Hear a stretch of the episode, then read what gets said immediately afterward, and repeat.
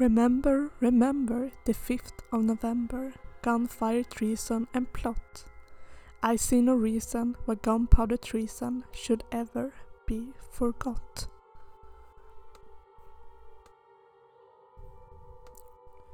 Detta är en rätt så välkänd ramsa som har sitt ursprung i Storbritannien.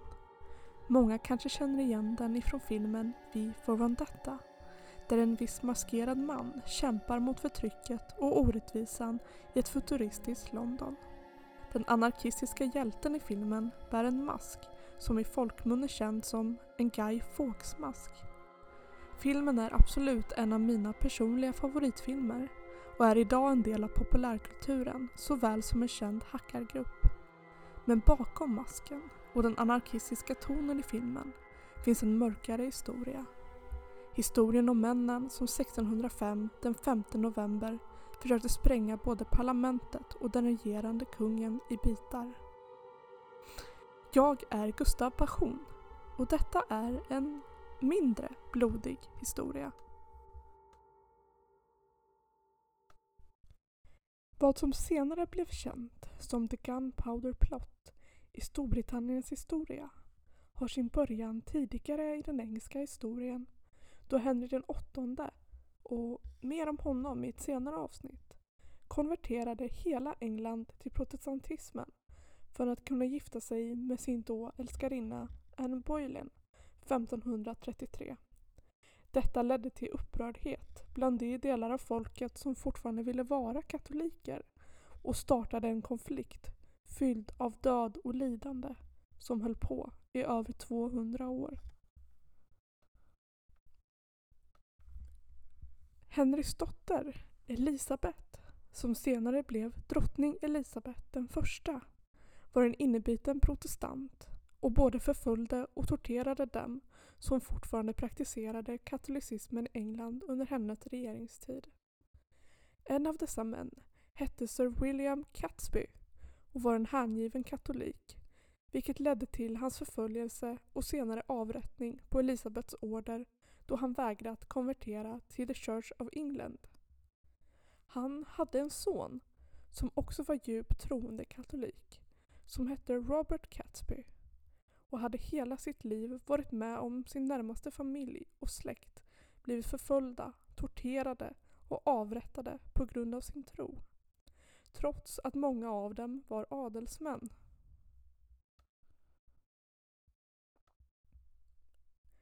Han fick till slut nog.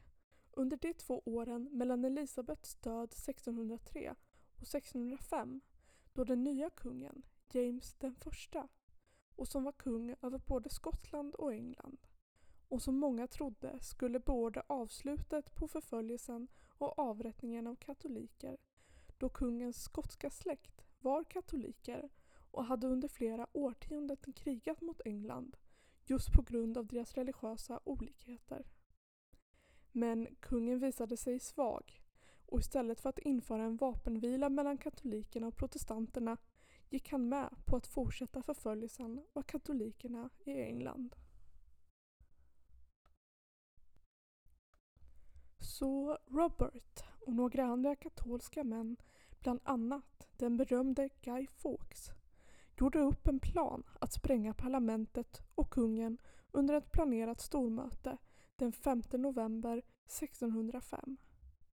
Med hjälp av flera kruttunnor som skulle planteras i tunnlarna under överhuset där mötet skulle äga rum så skulle de spränga hela byggnaden och döda alla människor som samlats, inklusive dem själva. Som en protest och terroristaktion mot den protestantiska regimen. Planen var enkel. Natten till den 15 november skulle tunnorna placeras ut på olika vitala platser i tunnlarna och i en källare som männen hade hyrt, ihoplänkade med en stubintråd som skulle tändas av självaste Guy Fawkes.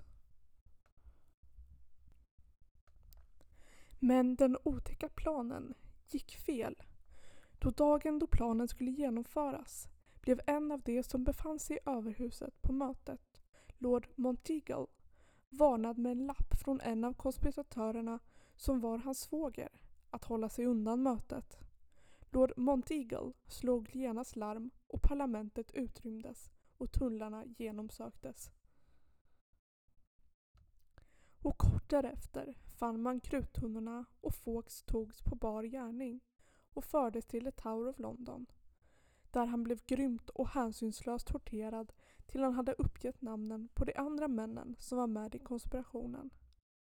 Männen som var del av planen och fortfarande befunnit sig i London flydde så fort de insett att något gått fel. Men de engelska myndigheterna spenderade därefter de kommande dagarna, veckorna och månaderna att spåra upp de resterande medlemmarna av konspirationen på kungens order och förde dem till the Tower of London. Där blev de torterade och dömda till hängning för konspiration, förräderi och planerat attentat mot den regerande konungen. Men Robert Catsby och de få män som hunnit ta sig ur London innan själva dådet gav sig inte utan en sista strid. När de blivit förrådda av Fawkes under tortyren och de blev de mest efterlysta männen i hela landet visste de själva inte om det än men myndigheterna hann ifatt dem i Stratford den 8 november och efter en kort uppgörelse var alla männen döda. Robert Catsbys lik fördes tillbaka till London och fick sitt huvud avhugget och uppsatt vid Traitors Gate på Towern. Guy Fawkes satt fängslad i Towern i två månader innan hans avrättningsdatum sattes till den 31 januari 1606. Men bara sekunderna innan hans avrättning som skulle inträffa framför en stor offentlig publik försökte han fly genom att hoppa ner för stegen som ledde upp till hängningsplattformen. Men hamnade snett, bröt nacken och dog på fläcken. Efter The Gunfire Plot blev förföljelsen av katolikerna ännu värre i England. De fråntogs rätten att rösta i valen och fick inte längre varken nämna sin tro offentligt eller utöva den privat i sitt hem och kända katoliker hölls nu under uppsikt av polis och myndigheter för att undvika större samlingar som kunde leda till en ny attack mot parlamentet och regimen. James den första var dock så tacksam att han i samarbete med parlamentet den 5 november 1606 deklarerade att kvällen skulle bli ett nationellt firande av misslyckandet av Fawkes och hans kumpaners plan. Kvällen heter idag Guy Fawkes Night eller Bonfire Night och firas fortfarande varje år i Storbritannien. Likt våran majbrasa så tänds fortfarande små brasor över hela England den 5 november varje år. Och en annan populär tradition är att bränna en docka, ofta gjord på halm och tyg med en mask i mänsklig storlek, som kallas för gai-dockor. Om konspirationen hade lyckats hade den med rätt stor säkerhet skrivit om i alla fall Storbritanniens historia och antagligen den större delen av västvärldens. Om det varit till det bättre, ja det är ju svårt att avgöra. Då trots teorier och diskussioner kring the Gunpowder Plot och där det skulle efterlämna inte går att bevisa. Men vi måste i alla fall. Remember, remember the 5th of November gunfire, treason and plot. I see no reason why gunpowder treason should never be forgot. Detta har varit en mindre blodig historia med mig, Gustav Passion. Tack för att ni lyssnat. Jag som pratar heter Gustav Passion och det är också jag som skrivit och producerat detta avsnitt. Intro och outromusiken kommer från purpleplanet.com.